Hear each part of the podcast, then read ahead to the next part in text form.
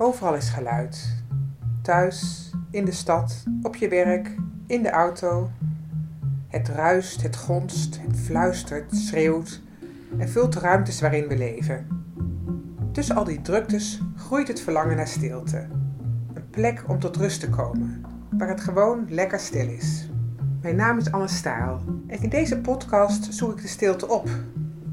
Dat doe ik samen met beroepsstiltenaars. Dat zijn mensen die manieren hebben gevonden om stilte te creëren op onverwachte en soms zelfs chaotische plekken.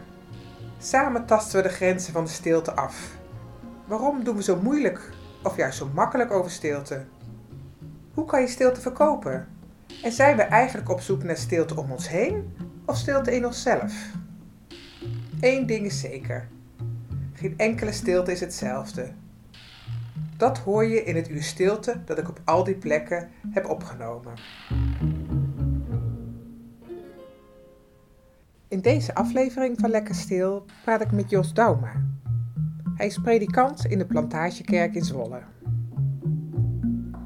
Jos is specialist in Lectio Divina, een eeuwenoude kloostertraditie van stil en meditatief lezen.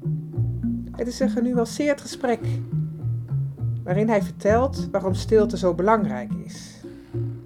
En ik geloof wel dat stilte een heel belangrijke voorwaarde is. Ik zal niet meteen zeggen dat het de enige is, maar toch maar even wel een heel belangrijke om echt contact te krijgen met wat er binnenin je is, met wat er in je ziel is. Volgens Jos is het niet moeilijk om het druk te hebben, met lijstjes en met zaken in je hoofd. Die drukte, voor de meesten van ons geen enkel probleem om daarin verzeild te raken. En we zouden moeten oefenen om ook verzeild te raken in de stilte. En dat is niet alleen voor het moment fijn, maar juist ook op de lange termijn. Dus ik geloof wel dat stilte oefenen ook een, op langere termijn uh, effecten heeft uh, in een bepaalde grondhouding die te maken heeft met uh, woorden als mildheid, vriendelijkheid, loslaten, dat soort dingen. Luister naar deze podcast van Lekker Stil met Jos Dauma, die opgenomen is voor de coronacrisis, toen het heel gewoon was om met 500 mensen in een kerk te zijn. Nou, mijn naam is Jos Dauma. Ik ben 51 jaar en ik ben predikant van de Plantagekerk in Zwolle. En dat is een nou, redelijk orthodoxe kerk zou je kunnen zeggen, maar de gemeente waar ik zelf dan voorganger ben, heeft ook wel een beetje een evangelische kleur. Het is een gemeente van duizenden mensen. Heel veel jongeren komen hier in de kerk. De grootste uh, groep, dat zijn de twintigers en de dertigers. Ja, dan ben ik voorganger, dus uh, dat betekent zondagse voorgaan in diensten, in het pastoraat werken, mensen bezoeken. Veel bezoekers brengen bij ouders die net een baby hebben gekregen. Ja, dat is natuurlijk met zo'n jonge gemeente krijg je dat soort bezoeken. Ja. ja. Ja, wat leuk. Ja. Hey, en um, wat is jouw relatie met stilte? Wat, wat heb jij daarmee? Ja, um, dat zit niet in mijn, uh, mijn traditie eigenlijk. Hè, van de gereformeerde kerken vrijgemaakt, of überhaupt de gereformeerde kerken, is stilte niet echt een uh, belangrijk thema of zo. We zijn juist kerken van het woord. Het woord moet altijd klinken. Preken zijn heel erg belangrijk. En preken, dat is vooral veel woorden en weinig stilte. Um, maar in de loop van de jaren, dat is al een beetje in mijn studententijd begonnen, uh, ben ik op zoek gegaan naar uh, een meer meditatieve omgang met de Bijbel. Hè. Voor, de, voor, mij is de Bijbel wel een uh, belangrijk boek en ik vind het belangrijk om daarin te lezen en daaruit te preken. Um, maar daar kun je natuurlijk op een hele rationele manier mee omgaan met zo'n tekst uit de Bijbel. En je kunt ook wat meer de stilte zoeken en wat meer meditatief daarmee omgaan. Nou, die meditatie, uh, van een Bijbeltekst. Hè. Daar ben ik veel mee bezig geweest vanaf uh, mijn twintige jaren ongeveer. En daarbij is ook steeds meer die stilte belangrijk geworden. Hè. Want wil je kunnen mediteren, wil je nou, heel rustig een tekst op je in laten werken, dan is stilte een heel belangrijke component. Tot nu toe hè, was het eigenlijk vooral om uh, een tekst goed op je te kunnen laten inwerken. Moet het eerst even rustig worden en moet je stil zijn. Ten dienste van het dan lezen van zo'n tekst maar de laatste tijd, ook alweer heel wat jaren hoor, uh, is voor mij stilte ook een soort zelfstandige oefening geworden. Gewoon alleen maar stil zijn. Niet meer bezig zijn met een tekst, maar alleen die stilte. Ja, en, en hoe doe je dat dan? Dat stil zijn als. ja, aparte bezigheid, Ja. zeg maar. Als het me lukt, wat het lukt, lang niet altijd, maar als het me lukt, dan wil ik s'morgens, als ik op mijn werkkamer kom in de kerk, thuis kan ik het ook wel doen hoor, maar daar is toch vaak meer rumoer en onrust en dan vind ik het veel lastiger om die stilte te pakken. Maar hier in mijn werkkamer in de kerk eh, is dan het eerste wat ik doe, eh, gewoon op mijn stoel gaan zitten eh, en eh 20 minuten stil zijn. En ik zet daar ook een soort klokje bij. Die begint met een kloosterbelletje die ik op mijn smartphone heb staan. En dan is het 20 minuten stil en dan haalt het kloosterbelletje me weer op uit de 20 minuten stilte. En ja, in die stilte doe ik eigenlijk niks anders dan, dan hier zijn. eh, niet druk zijn. Kijk, het is natuurlijk heel verleidelijk om als ik op mijn werkkamer kom meteen de mailtjes te gaan beantwoorden die in mijn box zitten. Ik heb ook het gevoel dat moet ook gebeuren, dat is belangrijk. Ehm, vaak heb ik ook meer zin om dat te gaan doen dan om stil te worden. Eh, toch kies ik heel vaak wel voor die stilte. Nou, gewoon om in het hier en nu te komen. Eh, voor mij is het ook heel belangrijk om in Gods aanwezigheid te komen. Ik geloof dat God altijd en overal aanwezig is. En dat ik zelf eerder de afwezige ben. Hè, dus ik probeer in die stilte aanwezig eh, te komen in de aanwezigheid eh, van God. Door alleen maar stil te zijn, dan merk ik wel, en dat is ook vrij natuurlijk, dat ik wel altijd mijn gedachten heb en die gaan ook echt wel weer alle kanten op. Bijvoorbeeld naar die mailtjes die ik wil beantwoorden, of eh, een preek voorbereiden, of nou ja, wat dan ook maar. Eh, maar goed, dan kies ik er in die 20 minuten voor dat telkens als ik merk dat ik toch weer wat met, met wat anders bezig ben, eh, om te zeggen nee, ik wil nu in het hier en nu zijn eh, van Gods aanwezigheid. Hè? Dus die beweging is eigenlijk voortdurend aanwezig in die stilte. Dus zo heel stil is dat eigenlijk niet. Ehm, maar het is ook meer de intentie om aanwezig te zijn in die stilte dan dat het per se heel erg stil moet zijn. Ja, want dat is wel mooi wat je zegt van je zoekt naar jouw aanwezigheid, want Gods aanwezigheid is er al. Ja. Ehm, is daar die stilte een voorwaarde voor of, of zou dat ook anders kunnen, jouw aanwezigheid? Ehm, nou, dat is een goede vraag. Ehm, ik geloof wel dat stilte wel een heel belangrijk iets is eh, om echt naar binnen te keren. Hè. We, we leven natuurlijk in een maatschappij eh, hè, waar we altijd geprikkeld worden door van alles en nog wat wat er om ons heen is. En we richten ons daar ook op en we laten ons daar ook in meenemen. Eh, en ja, even zoveel keren gaan we het misschien toch een beetje bij onszelf vandaan, bij onze ziel vandaan. Laat ik het even onze ziel noemen. Hè. Ergens binnenin ons is een ziel. Ehm, ik noem dat zelf graag onze binnenruimte. En, en dat is ook een kwetsbare binnenruimte.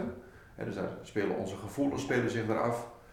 Ehm, en, nou, die kwetsbare binnenruimte die kun je toesluiten. Hè, je kunt er zelfs geen contacten mee hebben. En dat je eigenlijk zo altijd op buiten gericht bent. Dat je nauwelijks nog weet dat je een ziel hebt. En ik geloof wel dat stilte een heel belangrijke voorwaarde is. Ik zal niet meteen zeggen dat het de enige is. Maar toch maar even wel een heel belangrijke om echt contact te krijgen met wat er binnenin je is. Met wat er in je ziel is. Dat kan denk ik ook, hè, om het niet eh, eenzijdig op die stilte te gooien. Een gesprek kan denk ik ook heel erg helpen. Hè? Als je echt een diepgaand gesprek hebt met elkaar. En de ander stelt jou eerlijke en oprechte vragen. En nou, luistert jou als het ware tevoorschijn. Hè, doordat je echt kunt zeggen wat er in je binnenste leeft. Dan geloof ik dat het ook een heel mooie manier is om in contact te komen met jezelf en met je eigen aanwezigheid. En je zegt eigenlijk, eigenlijk is het binnen jouw traditie niet zo heel gewoon Nee. om, om die stilte. En, en hoe heb jij hem dan toch ontdekt? Ja, daar speelt het klooster toch wel een belangrijke rol in. Mhm. Niet per se het klooster zelf. Uh, ik, ik ben wel eens nu en dan in een klooster geweest, maar niet heel vaak. Mijn eerste ervaring met een klooster, dat was in, uh, was in Egmond, twintig uh, jaar geleden. Toen, had ik, uh, toen woonde ik in Beverwijk, nou, redelijk dicht bij Egmond, daar was ik toen predikant. En toen dacht ik, nou, ik ga gewoon eens een keer vragen of ik, of ik in dat klooster mag zijn, een ochtend gewoon om ja, stil te zijn of eventueel studeren. Nou, dat mocht, alleen toen werd ik in een, ja, een beetje onderbier gezegd, toch een beetje in een hokje ergens neergezet, waar ook wat kasten stonden. En nou, daar mocht ik dan wel zijn. Alleen ik werd tot drie keer toe gestoord door iemand die de ruimte binnen kwam lopen. Uh, en ik zat vlak bij de leveranciersingang en daar stond iemand een half uur te praten. Dus dat was mijn eerste kloosterervaring. Dus ik heb toen geleerd, ook in een klooster hoef je niet te zijn om stilte te zoeken. Ehm, nou, dat zal, een, het is een heel specifieke ervaring van mij natuurlijk. Hè. Anderen zullen daar een hele andere ervaring in hebben. Maar voor mij is in ieder geval de plek van het klooster daar niet zo heel belangrijk in geweest. Maar wel uh, nou, de monastieke waarden. De waarden van het klooster. Dat gebed heel belangrijk is, dat stilte heel belangrijk is. Ik ben veel bezig zelf met Lectio Divina. Dat is een uh, vorm van biddend bijbellezen. Die echt uit de kloosters uh, komt. En die daar ook beoefend wordt. maar ik vind het juist heel boeiend om dat wat al eeuwenlang in het klooster beoefend is. Om dat op plekken buiten het klooster te beoefenen. Hè, gewoon op mijn eigen kamertje. En die Lectio Divina, kan je nog eens uitleggen wat dat is? Ja, dat wil ik wel doen. Uh, Lectio Divina, dat is, uh, je neemt je uitgangspunt in een bijbeltekst. Een bekende bijbeltekst is bijvoorbeeld dat Jezus zegt, kom naar mij als je vermoeid bent en belast. Hè. Laat ik dat even als, als voorbeeld nemen. Dat is een uitspraak van Jezus. kom naar mij als je vermoeid en belast bent. Nou, en met die uitspraak ga je in die Lectio Divina aan de gang, om zo te zeggen. En dat doe je in vier stappen. De eerste stap is, uh, ik, ik, gebruik daar de Latijnse woorden voor, want die komen zo uit het klooster weglopen. De eerste stap is lectio, dat betekent lezen. Ik ken het wel van het woord lectuur bijvoorbeeld, er zit hetzelfde woord lectio in. Um, dan nou, probeer je heel aandachtig die woorden op je af te laten komen. Hè. Dit is dus wat hier staat in de Bijbel, dit is wat hier gezegd wordt. Als je vermoeid en belast bent, kom dan naar mij. En dat laat je die woorden laat je er gewoon even een tijdje zijn. Je luistert daar naar, je leest dat nog eens een keer. Je vraagt je af, hè, wat valt me nou eigenlijk op? Dat je, je kunt nou, naar één woordje toegetrokken worden, bijvoorbeeld, hè, vermoeid. Um, of juist hè, daarin ook het verlangen naar rust. Hè? Dus die twee woorden, vermoeid en rust, die gaan dan een soort gesprek met elkaar aan. Nou, dat gebeurt in de eerste fase, het lezen. De tweede fase heet meditatio mediteren, overdenken. Dan ga je gewoon nadenken over wat, uh, ja, waarom raakt mij dat nou zo? Hè? Hoe ziet die vermoeidheid van mij op dit moment eigenlijk uit? Waarom ben ik zo vermoeid? Uh, waarom verlang ik naar rust? Uh, zijn er momenten geweest dat ik wel rustig was? waarom lukt het me niet om naar plekken toe te gaan waar ik rust kan vinden? Hè? Daar ben je dan zo mee bezig. En ook wel heel nadrukkelijk, hè? het is een, een tekst waarin Jezus aan het woord is. dus ik laat ook op me inwerken dat het Jezus is die tegen me zegt: Als je vermoeid bent en belast, moet je bij mij komen, dan zul je rust vinden. Nou, daar denk ik dan wat over na. Uh, dat is de tweede fase. En dan de derde fase. Kan ik wel eens een beetje door elkaar heen lopen hoor, maar voor de uitleg is het wel handig om die vier stappen na elkaar te zetten. Is de fase van de oratio, dat is bidden. Dus lezen, overdenken, bidden. En nou, dat is het moment dat je om zo te zeggen, terug gaat praten. dat je tegen God zegt, nou ja, God, ik voel me vermoeid en ik verlang zo naar rust. Wilt u mij rust geven? Of dat ik zeg van, nou, uh, dank u wel uh, Jezus voor deze mooie uitnodiging. Ik vind het alleen best lastig om erop in te gaan. Uh, wilt u me daarbij helpen? dus meer in de dialoogsfeer ben je dan. dus je, je reageert biddend op wat er gezegd wordt in de tekst. En dan de vierde fase, die heet contemplatio. Nou, aanschouwen kun je dat vertalen. Wordt ook vaak wel vrij vertaald met gewoon rusten. En de contemplatio, daar loopt de Lectio Divina eigenlijk op uit. Dat je, nou, voorbij de woorden die er waren, uh, gewoon tot rust komt bij God. Ervan uitgaan dat God spreekt door deze woorden, is Lectio Divina er altijd op gericht dat je door het bezig zijn met die woorden, uh, en door erover na te denken en door te bidden met die woorden, dat je op een plek uitkomt dat je ervaart, nou, God is hier en uh, ik mag nu gewoon stil zijn. Ik vergelijk het zelf graag met een, uh, nou, een liefdevolle relatie. Een man en een vrouw bijvoorbeeld, die kunnen een prachtig gesprek met elkaar voeren. maar er komt een moment dat eigenlijk alles gezegd is. Het was gewoon een mooi gesprek. En dan zit je gewoon naast elkaar op de bank en dan hoeft er even niks meer gezegd te worden. Dan ben je gewoon in elkaars aanwezigheid. En dat is goed. dat is voor mij een beeld van uh, contemplatio. Dat is dat stukje van de Lectio Divina waarin, nou, er hoeft niet meer gepraat te worden, er hoeft niet meer nagedacht te worden. Je kunt gewoon stil aanwezig zijn in het hier en nu van God. Doe je dat alleen of in een groep? Of hoe, uh... Hoe werkt dat? Uh, dat kan allebei. In de, ah, als we het even terugbuigen naar het klooster, uh, dan uh, is de, de in, met name in de Benedictijnse traditie, zijn de beste uren van de dag gewijd aan de Lectio Divina, de persoonlijke Lectio Divina van de monnik. De vroege uren van de dag zijn daaraan gewijd, dus dat doet de monnik alleen. Maar het is ook wel gebruikelijk dat ze dat groepsgewijs doen. Ik weet dat een van de andere podcasts is opgenomen met een broeder uit Koningshoeven. En uh, ik weet dat ze in Koningshoeven ook in de middag drie kwartier hebben, dat ze als monniken in één ruimte zijn.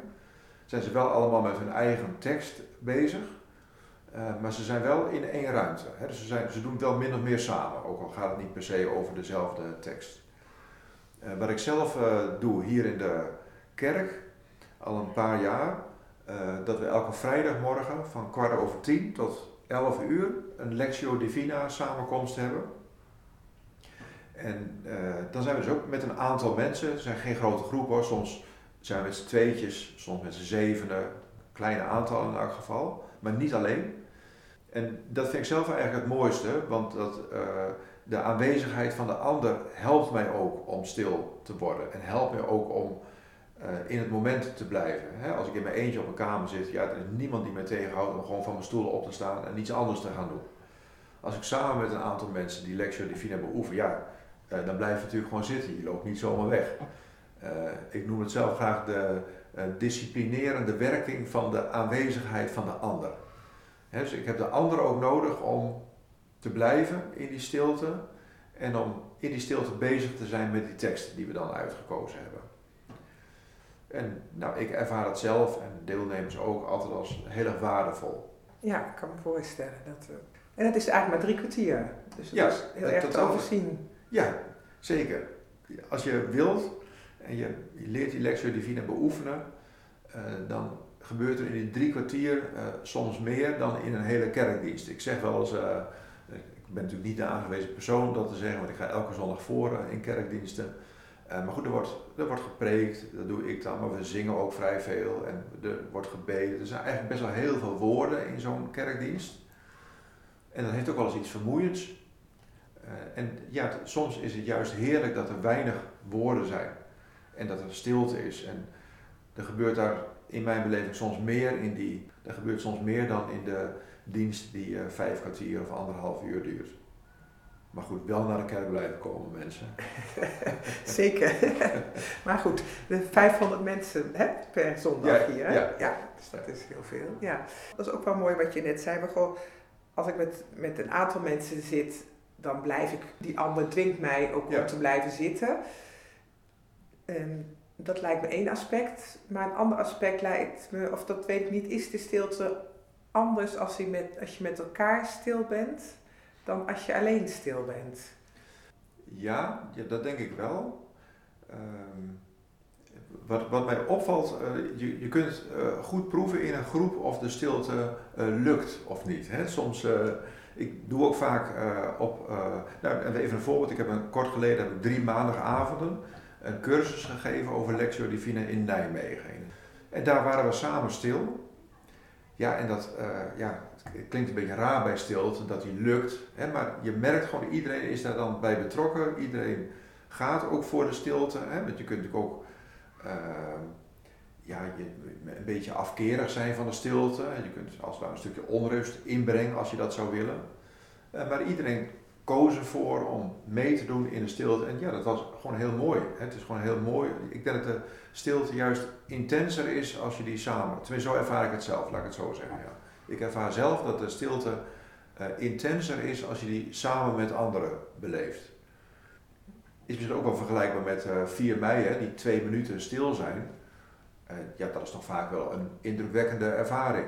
Uh, terwijl je, als je daar zo van buiten naar kijkt, ja, is niet zo handig om met zoveel mensen stil te zijn. Maar blijkbaar gebeurt daar toch wel iets. En, en wat je net zei, vind ik ook wel interessant. Ja, soms heb je het gevoel dat die stilte lukt ja. en soms niet. Ja. En tegelijkertijd is dat eigenlijk misschien ook wel een beetje een. Want hoe kan een stilte mislukken? Ja, een hele goede vraag stilte kan eigenlijk, ja, als je alleen maar naar de, de externe stilte kijkt, hè, dus, dus dat het om je heen stil moet zijn, eh, ja, dan mislukt de stilte al vrij snel. Hè, want er is eigenlijk altijd wel lawaai, ook wel onverwachte lawaai. Hè, we hebben hier in de Plantagekerk een, een, eh, een kamer, de consistorie heet die officieel. Die zit aan de voorkant van het kerkgebouw, vlakbij de weg ook wel. En daar zijn we dus uh, elke vrijdagmorgen die 20 minuten stil. Uh, van, van ongeveer kwart over tien, 20 over tien en dan uh, richting 11 uur. Um, en precies om half elf komt daar altijd een veewagen langs op vrijdagmorgen. Dat weten we inmiddels ook. Hè, dus die stilte, ja, je zou zeggen, die wordt dus verbroken op dat moment. Maar we hebben met elkaar geleerd om niet te zeggen van nee, nou is de stilte mislukt. Nee, dingen waar je aandacht naartoe gaan, namelijk naar die veewagen die langskomt, die zijn eigenlijk een uitnodiging om weer terug te gaan naar de stilte. En terug te gaan naar dat bijbelwoord waar we dan mee bezig zijn. dus je, ik heb geleerd om dat niet uh, ja, daar oordelend over te zijn. Nou is de stilte mislukt. Of kijk mij nou onhandig zijn, zit ik weer aan iets anders te denken. En dat zijn eigenlijk de automatische gedachten die, die naar boven komen. Um, en dat heb ik leren ombuigen naar nee, dat is geen afleiding. Het is een uitnodiging om weer terug te gaan naar de stilte. Uh, want echte volkomen stilte bestaat natuurlijk helemaal niet, ook van binnen niet. Dat is ook wel goed om dat uh, te weten. Uh, onze geest is gewoon altijd in de weer. En dat is prima. Zo zitten onze geesten in elkaar. En de, dus als je daarbij neerlegt, of je, of loslaat dat je per se helemaal stil zou moeten zijn, maar als je erbij neerlegt dat onze geest nou eenmaal zo in elkaar zit, dan kun je proberen om elke keer als je merkt dat je inderdaad met iets anders bezig bent, uh, de keuze te maken, ik wil graag hier en nu in de stilte zijn. Als ik nou begin met stil te oefenen en, en, net een, en ik zet ook die wekker en net een minuut voordat hij afgaat, bedenk ik bij 19 minuten ben ik met een boodschappenlijst bezig geweest. Ja.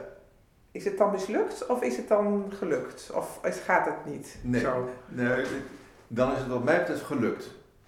Um, uh, want wat, wat die stilte oefening is in de kern, uh, dat je de intentie hebt om hier en nu stil te zijn. Dus die intentie is vooral heel erg belangrijk. Um, ik merk zelf ook, hè, want je zegt na 19 minuten, want ik herken het op zekere hoogte ook wel.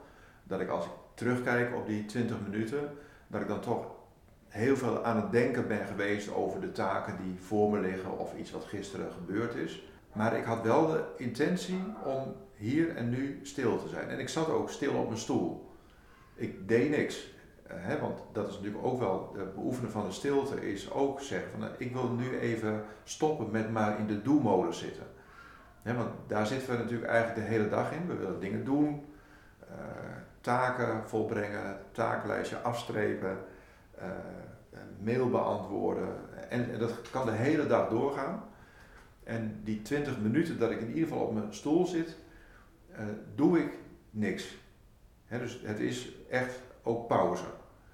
Um, en ik wil die pauze verdiepen door ook echt proberen stil te zijn, ook in mijn denken stiller te worden. Um, dus het is wel een ander type pauze dan de pauze die ik normaal neem. dan is je aandacht toch nog steeds heel erg versnipperd met van alles nog wat bezig. En de pauze van de stilte is uh, echt de intentie hebben, ik wil hier nu zijn uh, en ik wil niks doen. Alles gaat verder. ik doe niks, maar alles gaat toch verder. dus ook een soort van loslaten. En vanuit mijn christelijke overtuiging verbind ik dat ook heel sterk met uh, in het hier en nu van Gods aanwezigheid eh, zijn. En daar hoeft dus ook niet zoveel. Ik hoef alleen maar bij Hem te zijn of in Zijn aanwezigheid te zijn. En ik hoef niet allerlei slimme gedachten te hebben, ik hoef geen prachtige gebeden uit te spreken, hoeft allemaal niet. Ik gewoon nu hier alleen maar zijn. Ja, dan kan me voorstellen dat het ook wel een soort rust geeft. Ja, en het vraagt natuurlijk ook oefening. Hè? Uh, kijk, als je je vroeg net van, nou, als je daar nou mee begint, ja, dan zou ik niet aanraden om meteen 20 minuten stil te zijn. Dan moet je gewoon eerst eens even proberen, maar even twee minuten, om even te voelen wat dat is, wat er dan gebeurt. Uh, je er zeer van bewust te zijn, heel belangrijk dus, dat die gedachten echt wel doorgaan. Dat is dus normaal. dus als, als er mensen luisteren die zeggen, ja, maar ik heb altijd maar andere gedachten, dat is normaal. Je moet je pas zorgen maken als je geen andere gedachten hebt, zou ik haast zeggen. Want zo zit onze geest in elkaar. Maar door een stukje oefening uh, kan het wel rustiger worden. Maar goed, dat kost net als met sporten. Ja, dat gaat allemaal niet in één keer uh, lekker natuurlijk. Als ik nooit fiets en ik wil opeens een uur fietsen, ja, dat is vragen om problemen. dat is hetzelfde met stilte beoefenen. Als je eigenlijk nooit die stilte beoefent, altijd maar je laat meeslepen door alles wat er is, en dan gaat het je niet in één keer lukken om 20 minuten stil te zijn. dan moet je gewoon even rustig opstarten. En nou, ik ga ervan uit dat je de smaak wel te pakken krijgt dan van die stilte. En dat je dan langzamerhand wat meer tijd neemt tot je bijvoorbeeld bij die 20 minuten die veel gehanteerd wordt in, uh, uh, in kringen waar, waar die stilte wordt gepraktiseerd. Dat is een, een, een mooie tijd om, om te kiezen om stil te zijn, 20 minuten. Ja, ja. En heb je daar en de rest van de dag ook nog profijt van? Um, ja. Um, en eigenlijk zou het, dat hele beoefenen van stilte, uh, dat is eigenlijk ook iets wat op veel langere termijn uh, effect heeft. Hè? Want in de stilte leer je dus om los te laten. Dat is eigenlijk, eigenlijk is één, één grote oefening in loslaten. Hè? Want in die 20 minuten zijn er steeds weer gedachten. En steeds weer dingen waar je aandacht naartoe getrokken wordt. En wat je doet in die 20 minuten is in wezen telkens dat loslaten, die gedachten loslaten, dat geluid loslaten en gewoon weer in het hier en nu komen.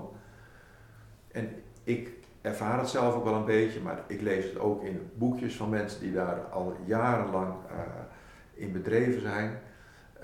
Hè, dat er een bepaalde rust, basisrust in je leven komt na, na verloop van tijd. Hè, dan moet je eerder in maanden, jaren denken dan, dan een week.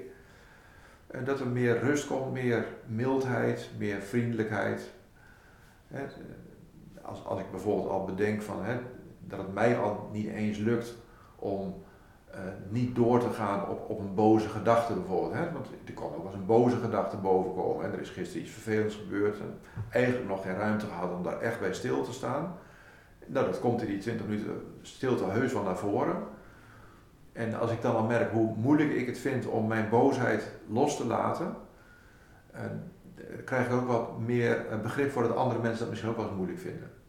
He, dus als iemand uh, in mijn omgeving boos is, kan ik daar wat milder op reageren. Omdat ik denk, ja, dat vind ik zelf ook niet zo makkelijk om, uh, om zomaar mijn boosheid los te laten. dus ik geloof wel dat stilte oefenen ook een, op langere termijn uh, effecten heeft in een bepaalde grondhouding. Die te maken heeft met woorden als mildheid, vriendelijkheid, loslaten, dat soort dingen. Um, en je hebt een boekje ook over stilte geschreven. ook samen met Amsterdam Grun. Ja. Hij is van een heel andere traditie. Ja. Hij is, eh, van, een, hij is van de Rooms-Katholieke traditie. Hij is monnik, hè, een Benedictijner eh, monnik. Een boekje over samen luisteren in de stilte, over Lectio Divina. Dus ik geloof dat de, het samen oefenen van die Lectio Divina een uh, heel belangrijke praktijk is om ook uh, nou, interkerkelijk hè, over kerkmuren heen uh, dichter bij de kern te komen. Ja, en zou dat ook uitgebreid kunnen worden met de islam? Um, ik, ik, denk het wel. Uh, wat andere religies uh, soms beter vastgehouden hebben, voor die, dat beoefenen van de stilte, dat komt natuurlijk bij boeddhisten heel erg tegen. dat is iets wat diep menselijk is. Het is, niet, het is niet boeddhistisch om stil te zijn, het is diep menselijk om ook behoefte te hebben aan stilte. En in de boeddhistische traditie hebben ze daar veel meer ervaring in, om zo te zeggen, veel meer vormen voor gevonden dan gemiddeld genomen in de christelijke traditie. Um, en binnen de christelijke traditie zijn natuurlijk ook weer heel veel verschillen. Hè. In die gereformeerde traditie waarin ik zelf sta, is stilte eigenlijk helemaal verdwenen. Ik denk dat je ten diepste moet zeggen dat we als mens behoefte hebben aan stilte. En uh, nou, dat kan ook elke religie weer op zijn eigen manier vervolgens invullen. Maar ik geloof wel dat het een plek is waar je uh, gemakkelijker contact kunt maken in elk geval. Ook tussen de verschillende religies. Hè, zonder dan ze allemaal op één hoop te gooien, geloof ik wel dat het beoefenen van stilte en het verlangen naar ja, ja, karaktervorming heeft het eigenlijk ook wel mee te maken. Hè? Waar ik had over mildheid en vriendelijk, dan gaat het ook over je karakter. Dus, dus waar we ons richten op karaktervorming, blijken de verschillen tussen de verschillende religies misschien wel wat minder groot dan we op het eerste gezicht zouden zeggen. Ja, ja dat is wel een mooie uitdrukking ook, karaktervorming. Ja, ja. Zo denk ik ook dat stilte een, uh, een discipline is um, nou, die je eigenlijk op dezelfde manier zou moeten integreren in je leven uh, als een gezond eetpatroon en een gezond beweegpatroon. Het is zorgen voor je lichaam, hè, daar zijn we eigenlijk wel gewender aan om daar gedisciplineerd in te willen zijn. Het lukt vaak niet, maar we snappen wel dat het nodig is. Uh, zo denk ik dat het ook belangrijk is dat je, uh, nou, als zorg voor je geest, zorg voor je ziel, uh, is die stilte gewoon echt heel belangrijk. Ja. Ja, ja, je zou misschien kunnen zeggen dat die discipline nu nog belangrijker is met al de prikkels die we hebben dan voorheen mogelijk was. Ja, geloof ik zeker dat dat zo is. De andere kant van het verhaal is dat, dat je al in de 12e eeuw teksten kunt vinden die over precies dezelfde dingen gaan. Uh, een, een, bekende monnik was Bernardus van Clairvaux, die leefde in de 12e eeuw. Uh, die schreef al teksten die hij zo vandaag had kunnen schrijven. Die eigenlijk over dezelfde thematiek gaan, namelijk dat we zo druk zijn in ons hoofd en dat we met van alles en nog wat bezig zijn. Toen speelde al. Hè. Blijkbaar is het toch nog wat dieper menselijk dat we altijd maar in beweging zijn van binnen en ook van buiten. Uh, dan dat het alleen maar iets is van vandaag, omdat we nou uh, in een internettijdperk leven en alles snel moet.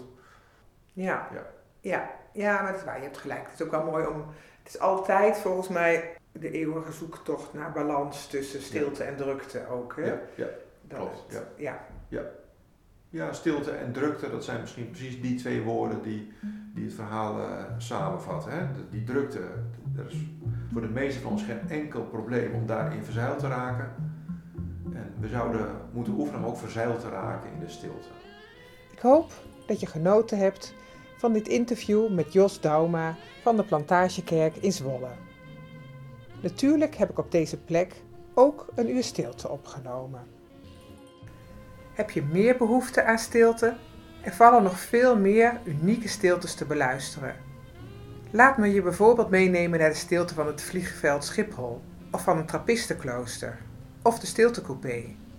Daarnaast vind je in deze podcast van Lekker Stil bijzondere verhalen over stiltelaboratoria, zoektochten, het ritme van stilte en de pracht van de ochtendstilte.